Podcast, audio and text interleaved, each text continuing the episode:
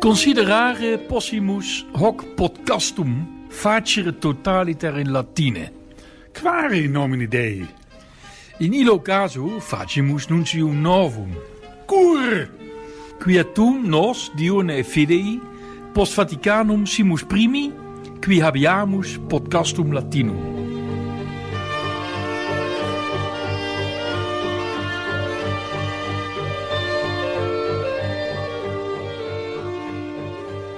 Luisteraars, welkom bij weer een nieuwe aflevering van de trouwpodcast Droomse Loper. Ik ben Stijn Vens. En ik ben Christian van der Heijden. Stijn, jij hebt een bijzonder interview gehad met een nogal markante man. Ja, en dat uh, is kardinaal Robert Sarah. Klinkt Frans. Ja, dat is het ook een beetje, maar hij komt uit Guinea, uh, Afrika. En is op dit moment een belangrijk man in het Vaticaan. Hij is uh, perfect van de Vaticaanse Congregatie voor de Goddelijke Eredienst en de Discipline der Sacramenten. Dat is een hele mond vol. Hij is belangrijk. Hij gaat dus over de liturgie, zou ik maar zeggen. Dat is zijn belangrijkste aandachtsveld. Maar hij heeft zich de afgelopen jaren toch vooral uh, geprofileerd als een orthodox katholiek en een criticaster van het Westen. De westelijke samenleving met al zijn decadentie en zijn materialisme. Je profileren als een orthodoxe katholiek lijkt me als kardinaal zeer verstandig.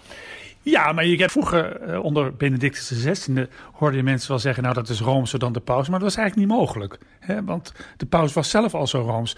Nu hebben we toch een wat andere paus. Dus als je nu over iemand zegt, hij is Roomser dan de paus, dan weet je een beetje in welke richting uh, je ziet. Hij was op bezoek uh, in Nederland, in, op uitnodiging van Kerk in Nood. Hij heeft religieus ontmoet. Hij heeft de mis opgedragen met bisschop Gerard de Korte. Hij was ook nog in het Haarlemse, waar Monsieur Punt zijn 40 jaar priesterschap vierde. En daar was hij ook bij. En ook hier in Nederland heeft hij niet nagelaten om, laten we zeggen, ons westerlingen eens even goed de mantel uit te vegen. Ja. Heeft hij daar een punt? Nou, dit, we hadden het al over punt. Nee, maar wil ik, ik wil eerst even wat anders zeggen. Want het, het, waar ik hem, ik heb hem ontmoet in, een, in het Thomas A. Kempis leerhuis. Dat hoort bij de Gerardus Majella kerk in Utrecht. Ik kwam daar binnen en toen was hij nog in, zal maar zeggen, ik was iets te vroeg. Dus hij was nog in de vorige bijeenkomst. Daar zaten in een soort binnentuin uh, allemaal religieuzen. Dus uh, zusters en uh, broeders en paters om hem heen, aandachtig gehoor. Daar was, dat, was, dat was aan de ene kant van die binnentuin. En de andere kant gaf kardinaal Eijk, die daar ook was, een interview aan een priester. Dus het was een volledig, laten we zeggen, religieuze, katholieke omgeving. Ik liep die tuin binnen, toen naderde van rechts een religieus van een orde die ik niet kende. Die zag kardinaal Eijk en die stapte op hem af, ging op de knieën en kuste hem uitbundig de hand. Dit een beetje om het decor te schetsen waarin mijn gesprek met Robert Sarah mm. uh, plaatsvond. Nou, in dat gesprek, kijk, hij is. Hij, vindt, hij, hij zegt, de christenen zijn naar Afrika, de westelingen zijn naar Afrika, Afrika gekomen om ons het evangelie te brengen. Daar is hij heel dankbaar voor, want in Guinea is hij met het evangelie aangekomen door middel van Franse missionarissen. Maar in, dus in feite, maar op dit moment vindt hij het Westen geen voorbeeld meer. Hij, is, heeft nu een boek geschreven.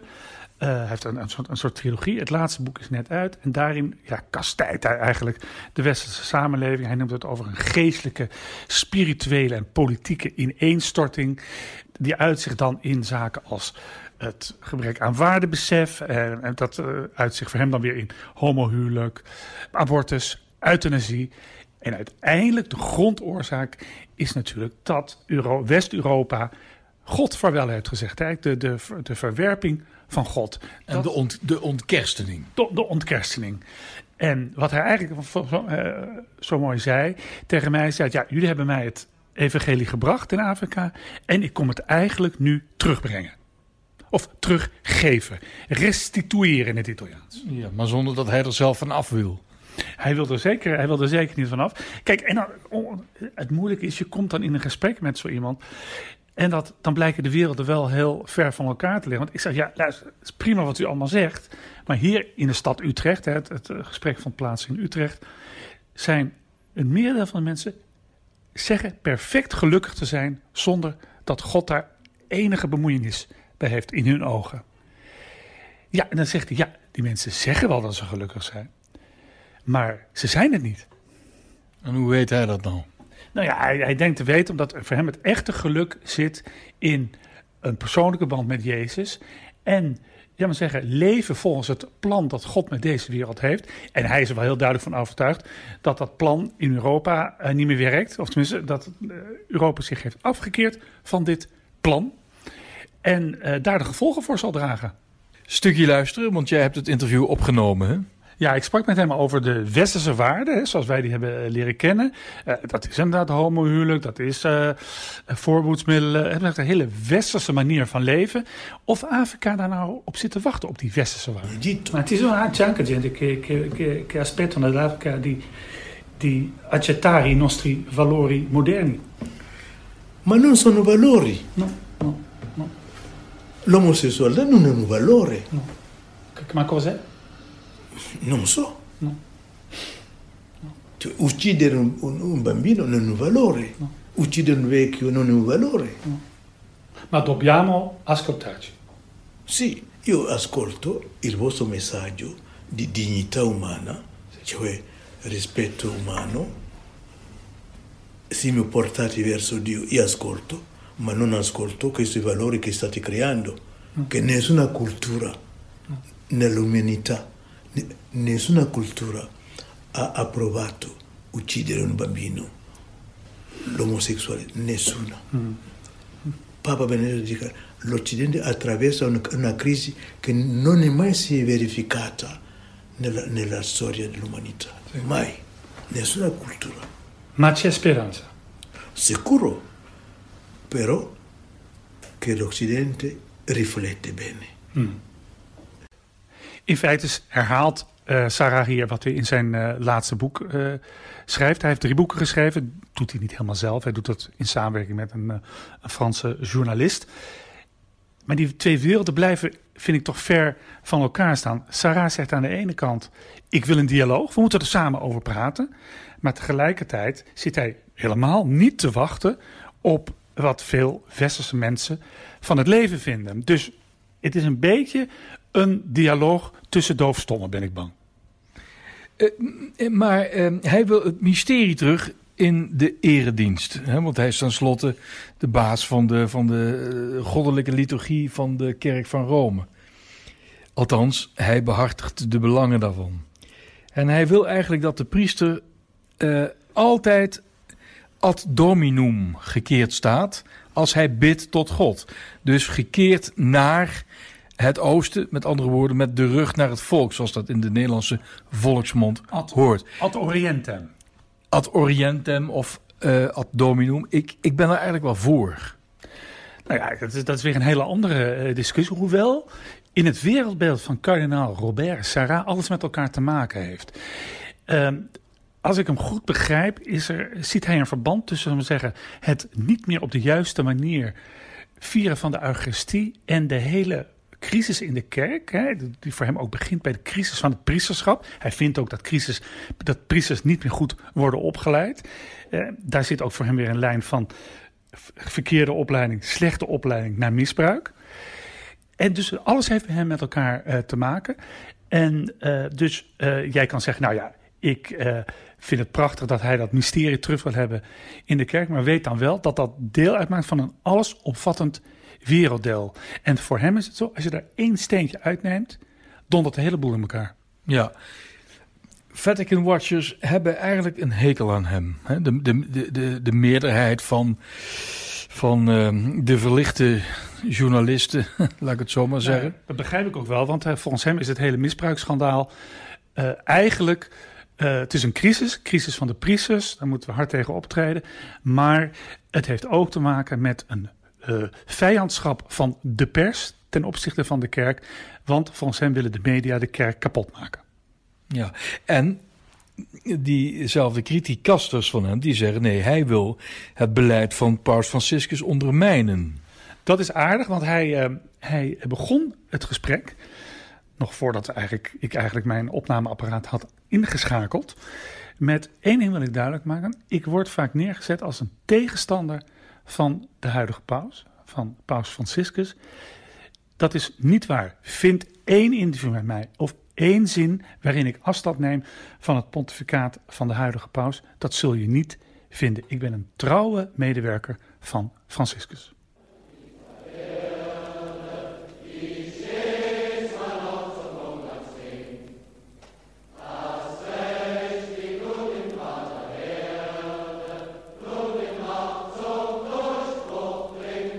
Be a lady.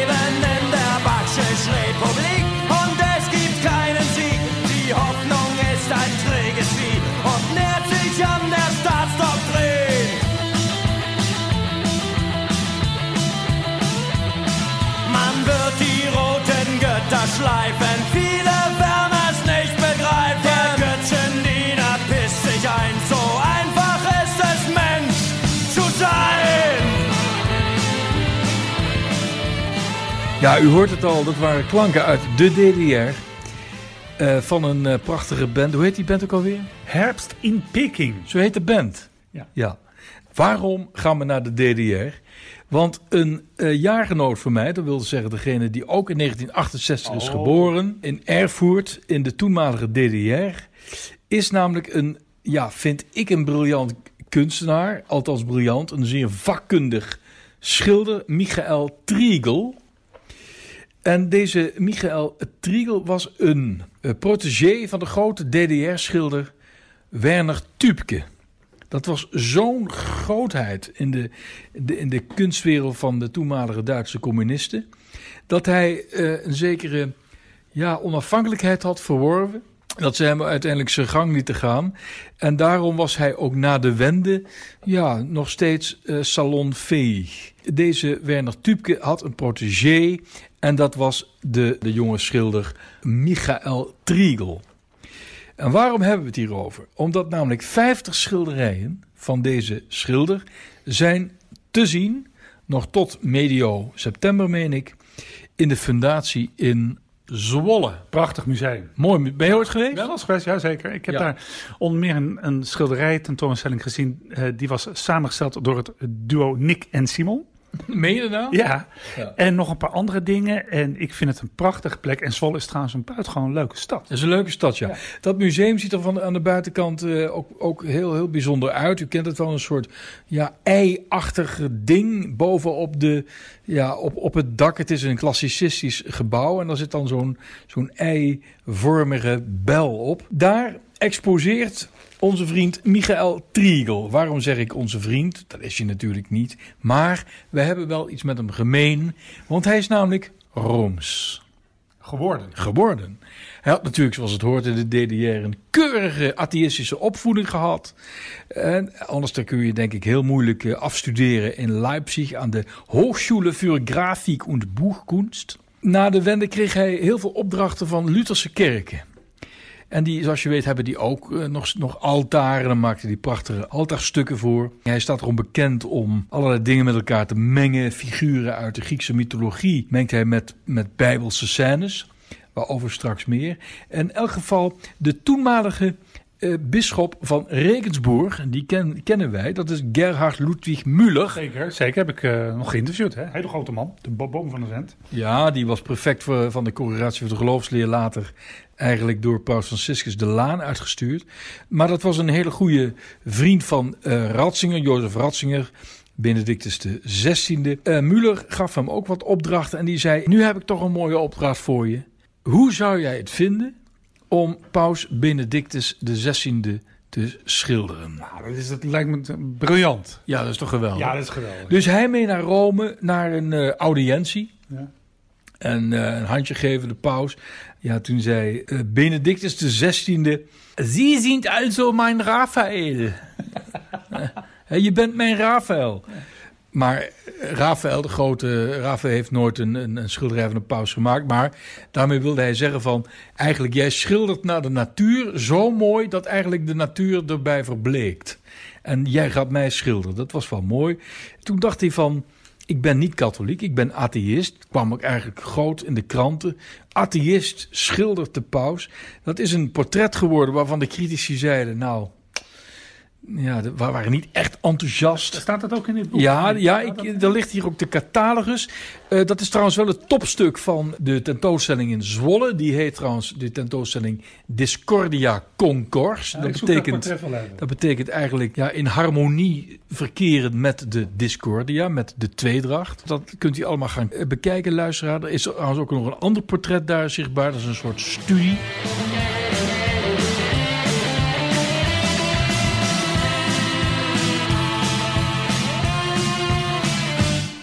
Toen werd hem gevraagd: Jij schildert zoveel religieuze afbeeldingen. Heb je nou eigenlijk nooit gedacht van moet ik ook niet eens geloven? Ja, zei hij. Vraag. Ja, ik, ik, ik zou dat wel willen, maar, maar het feit is, ik geloof het niet. Maar hij had dus wel het verlangen. Ja. Hij, weet je wat hij verlangde? Nee. Hij verlangde, zoals Paulus, eh, op weg naar Damascus, platgeslagen te worden, eh, zijn zicht verliezen en het weer terugkrijgen nadat hij had gezegd: Jezus, u bent mijn Heer. Gebeurde allemaal niet. Nee. Maar hij kreeg het op een gegeven moment, in 2014, kreeg hij het toch. En dat gebeurde niet op een spectaculaire, kunstzinnige wijze. Hij kreeg het omdat een studentenpastor, een eh jezuïet, eh, die zei... heb jij geen interesse om bij mij een 30-daagse te doen? Ja, de, de beroemde 30-daagse retraite. Ja, de, de spirituele exercitiën, de geestelijke oefeningen... eh à la Ignatius van Loyola. Nou, dat heeft hij gedaan. En toen viel het kwartje. Toen is hij gelovig geworden.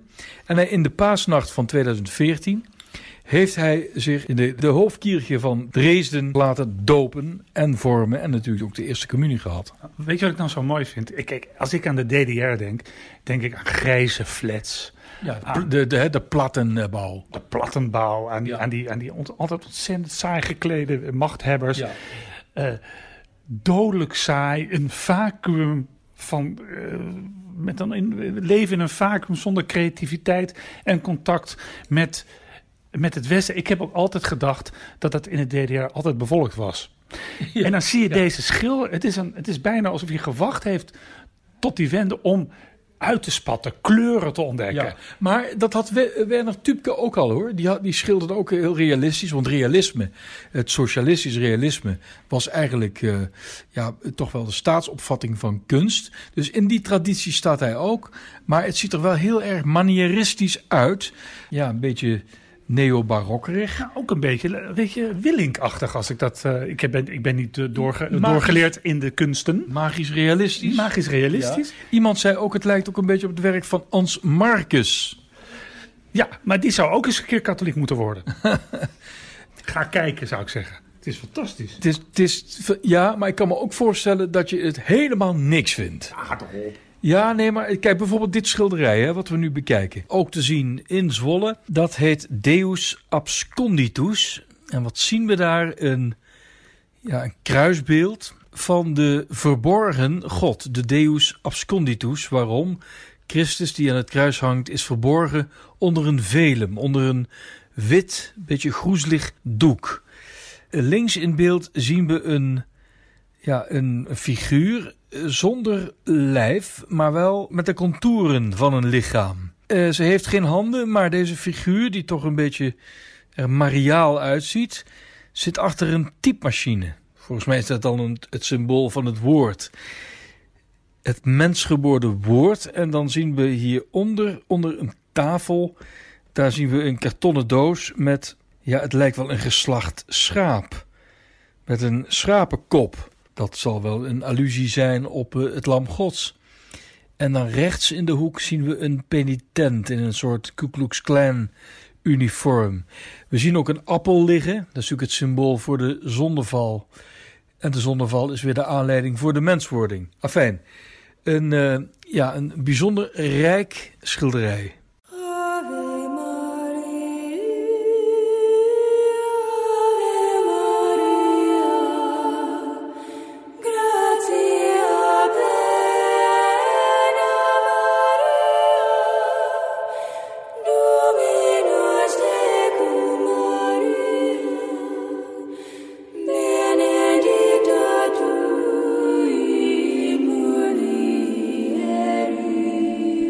Steeds terugkerend onderwerp van Triegel is de annunciatie. Kijk, hier hebben we bijvoorbeeld het schilderij dat heet de Verkündigung. Oftewel de aankondiging of de annunciatie. Eh, we kennen natuurlijk allemaal de klassieke vorm van een annunciatie. Een vrome Maria die neerknielt. En we zien dan de engel Gabriel die haar de blijde boodschap verkondigt. Maar hier op dit schilderij zien we geen knielende Maria. We zien wel een soort engelachtige figuur in de linkerhoek. Dat zal dan wel Gabriel zijn. Maar het bijzondere hiervan is dat de vrouwengestalte in, eh, in de aankondiging. die ligt op een tafel. Een beetje provisorische tafel met een, met een vies wit tafelkleed. En die vrouw die ligt. En die vrouw is naakt. Nou, dat is dan Maria. Die ligt plat. Eigenlijk klaar om te ontvangen. Dat, dat heeft wat. Ja, het wel mooi. het is mooi, maar het heeft ook iets. Ja, hoe moet je zeggen? En dat Vind ik, Ongemakkelijk. en dat vind ik er goed aan. Ja, dat is, dat, dat, dat is mooi. Nou, in ieder geval, luisteraars, gaat dat zien, gaat dat zien.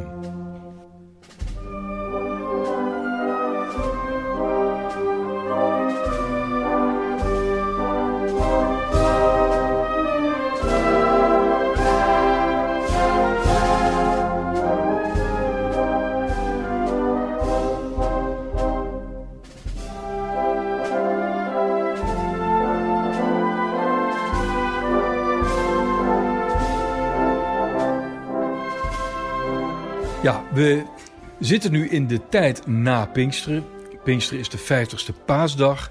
En de weken erna zijn er allerlei, ja, eigenlijk vrij recent ingestelde feesten. Zoals bijvoorbeeld de zondag van de Heilige Drie-eenheid. En de donderdag erna, Sacramentsdag.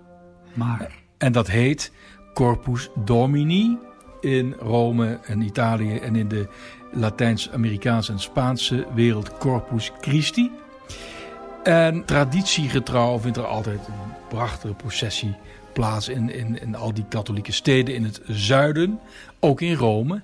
Hè, decennia lang, om niet te zeggen honderden jaren lang, maar dat is volgens mij niet zo, vond de sacramentsprocessie op Sacramentsdag, altijd een donderdag. Je weet ook waarom een donderdag, want dat is eigenlijk... Witte donderdag. ja, men wilde Witte Donderdag nog eens, nog eens, nog eens eigenlijk opnieuw vieren. Eh, vond die sacramentsprocessie plaats op de Via Merulana. Beginpunt, de kathedraal van Rome, oftewel de aartsbasiliek Sint-Jan van Lateranen. Richting Santa Maria Maggiore. Ja, dan moeten we nog even. Ik, we zitten hier nu in een, in een grijs kantoorgebouw. Maar we moeten even, even naar Rome gaan. Naar die schitterende Via Merulana. Met die platanen. Dat je, als je bij de Sint-Jan, bij de obelisk eh, vertrekt, eigenlijk aan de, de zijkant van de, van de basiliek van Sint San Giovanni in Laterano.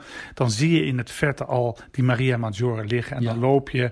En eigenlijk, als je er loopt, hoop je dat de weg nooit ophoudt. Dat de Via Merulana. Maar het is een end, hè? Het is wel een end. Ja, ja. Eh, dat hij nooit ophoudt. Nee, nou, het is een end. En, eh, maar traditiegetrouw zat de paus dan altijd op een wagen. Een soort, het is een, soort- het is een beetje bloemencorso. Ja, eh, onder Benedictus de 16e hebben ze geloof ik die jeep, die terreinwagen ingesteld.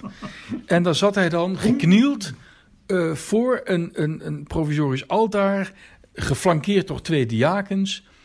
En eh, ons Heer, hè, zoals de katholieken zeggen, het allerheiligste sacrament, oftewel de heilige hostie, daarop geplaatst, gestabiliseerd, zodat hij er niet vanaf zou vallen natuurlijk. De paus vroom biddend, eh, terwijl hij gereden werd in die processie. Nou, in 2013 zei paus Franciscus, dat ga ik dus niet doen. Nee, die is gaan lopen. Die ging Die erachter, gaan lopen, net Ja. als eigenlijk de rest Ja. Van Rome. Ja. Iedereen liep er achteraan, want ik ben onze lieve Heer niet. Ik moet er achteraan lopen. Hè. Dadelijk gaan de mensen mij nog aanbidden. Nee, ik moet Christus aanbidden. Uiteindelijk heeft hij dan ook de, eh, de zegen met het Allerheiligste gegeven. Nou, dat heeft hij zo twee keer volgehouden. Maar op een gegeven moment kwam er een eh, bericht vanuit het Vaticaan. De paus loopt niet mee. Hij, loopt, nu- hij wachtte de, dus de processie eigenlijk op, hè? Ja, Dat, hij, eigenlijk- ja, dat deed hij eigenlijk. fysiek kon hij het ook niet meer, want het is een end, zoals we al zeiden. Nou, vervolgens ehm, veranderde hij weer iets. Namelijk, wat deed hij toen? Hij eh, besloot om de, ja, de traditionele sacramentsdag, dat een donderdag is, hè, te verplaatsen naar de zondag erop. Ja, daar hou ik niet van. Hè? Nou ja, het mag wel, dat staat ik in de boeken. maar... Maar, donderdag is donderdag. Ik vind het wel sympathiek. Ehm, omdat... eh, Ja, maar in heel veel landen ja, is het gewoon een vrije dag, Corpus Christi. Hè? Ja, maar dan hoef je geen vrij te nemen. Hè. Kijk, als je aan die processie deel wilde nemen, moest je vrij nemen. En hij vindt, we doen het op een zondag, dan kan iedereen daar meedoen. En hoef je, kost het je geen vrijdag. Dat vind ik sympathiek van Franciscus. Ja. Jawel, maar... Nou goed. Maar de donderdag, hè, witte donderdag, eh, dat is toch, die reminiscentie en witte donderdag is dan weg. Maar goed. Nou goed, en wat, maar Ja. ik, begrijp, ja. ik begrijp jouw gevoel wel een beetje. Want je zou ook wel eens willen dat deze paus iets wel bij het oude liet. Want dat heeft hij ook eens gedaan. Hij heeft die hele processie over de Via Merulana...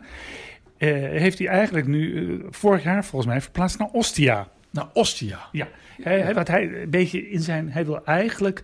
eh, Hij zegt: Christus leeft niet in het centrum van Rome. Christus levert, leeft in de periferie. Nou, als je het over de periferie hebt, dan is Ostia wel de periferie. Daar, daar, Heel veel, heel veel maffia daar ook. Maviklen. Het enige mooie daar is nog het strand, hoewel dat ook niet het mooiste strand van Lazio is. Dus dat vond ik ook van sympathiek. En wil, hij wil dus eh, Christus eigenlijk terugbrengen waar hij hoort, in de periferie. Eh, nou, dat heeft hij nu naar Ostia gedaan. Hij blijft dit jaar binnen Rome en gaat dan ook niet naar een hele vrolijke wijk, Casal Bertone. Ja, Casal Bertone. Ik moet je eerlijk zeggen, ik had er nog nooit voor. Ik denk, Casal dat is het, dat is het huisje van kardinaal Bertone. Maar zo heet dus die, die, die buurt, hè, die wijk in Ja, Rome. Die wijk is ten oosten, eigenlijk echt ten oosten van het Campo Verano. Het grote, grote kerkhof. Hè, waar ik eh, nog, eh, onlangs nog was en waar eh, Nederlandse Zouaven begraven liggen. Maar ook iemand als Marcello Mastroianni. Oh, Die ligt bij zijn broer, hè? Ja. Ruggiero, een, een editor, maar een, een filmeditor, maar dat terzijde. Het, hij gaat dus niet naar eh, Prati. Dat is die Nee, beetje nee. mooie wijk Ja. daar bij, achter de Engelenburg. Nee, hij gaat naar Casal Bertone. En ook omdat hij vindt dat die verering van, dat, van, dat, van Corpus Domini, hè, van dat lichaam en bloed Ja. eh, van Christus, hoort ook thuis in de parochie. Hij, wat hij eigenlijk zegt, vanuit het centrum van Rome, vanuit de zo'n elitaire, bijna elitaire weg als de Via Merulana, breng je Christus terug waar hij hoort tussen de mensen in een gewone parochie. Jawel, maar hij is bisschop van Rome. En waarom viert hij dan gewoon dit hoogfeest niet in zijn eigen kathedraal? Ik vind dat, ja... Omdat hij eigenlijk, je ziet ook, hij is daar niet op zijn gemak in die Sint-Jan van Lateraan. Het is ook een rare, is ook een hele rare basiliek, ook een allegaartje. Eh, hij wil gewoon eigenlijk eruit breken. Hij wil uit die gouden kooi breken. Want hij ziet toch een beetje dat Vaticaan, die curie, dat hele apparaat als een gouden kooi. Hij moet eruit breken, maar Christus moet eruit breken. Hij heeft ook gezegd, volgens mij ook in de toespraak die hij heeft gehouden in het preconclaaf, voordat, het, hè, voordat hij gekozen werd. We moeten de deuren van de kerk op, op, opzetten. Niet om de mensen binnen te laten, maar om Christus de ruimte te hebben de kerk uit te gaan. Ja, maar eh, volgens mij kan dat ook prima op de Via Merulana. Nou, dan hebben we hier een geschil en ik stel voor dat wij even naar buiten gaan. Nee, maar Sacramentsdag is een eh, fantastisch feest. Het is eigenlijk bedoeld om de nadruk te leggen op de werkelijke tegenwoordigheid van Christus in de gedaante van brood en wijn. Dus eigenlijk het opnieuw vieren van Witte Donderdag. Men leert ook dat de hostie, de sacramentele gaven, ook buiten de mis het lichaam eh, van Christus betekenen. Hè, dus aanbeden moeten worden. Eh, De instelling van Sacramentsdag gaat terug op de visioenen van de Luikse Augustines Juliana van het klooster Montcornillon. En vanaf 1209 had deze non mystieke ervaringen. Zij beweerde dat Christus aan haar verschenen was en haar had opgedragen zich in te spannen voor de instelling van dit feest. En de bisschop van Luik die geloofde haar en stelde in eh, 1248 dit feest in zijn bisdom in. En een van de aartsdiakens van het bisdom Luik was eh, de latere paus Urbanus IV. En hij was het die op 11 augustus 1264 met een pauselijke bul beval dat Corpus Christi, in Rome heet het Corpus Domini, in de gehele kerk eh, moet worden gevierd.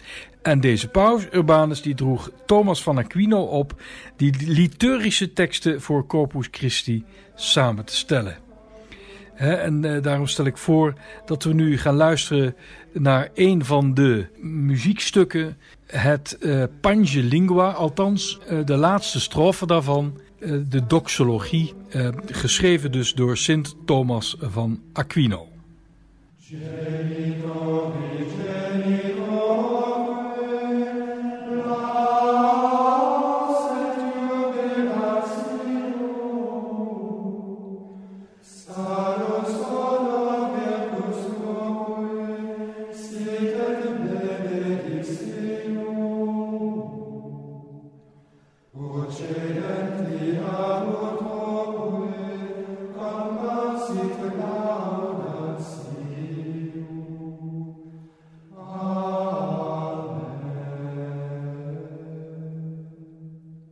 Mijn hemel, wat is dit mooi. En ook lekker kort, hè? Dat gaat goed samen. Trouwens, ik moet nog wel even zeggen: dit is schitterend gezongen door de monniken van het Sint-Joseph-klooster in Flavigny-sur-Ozerin. Je weet wel waar die uh, anijs eh, snoepjes vandaan komen. Heel mooi, daar moeten we toch eens een keer naartoe staan. Dat is leuk. Zeker. Ja. Luisteraars, tot een volgende keer.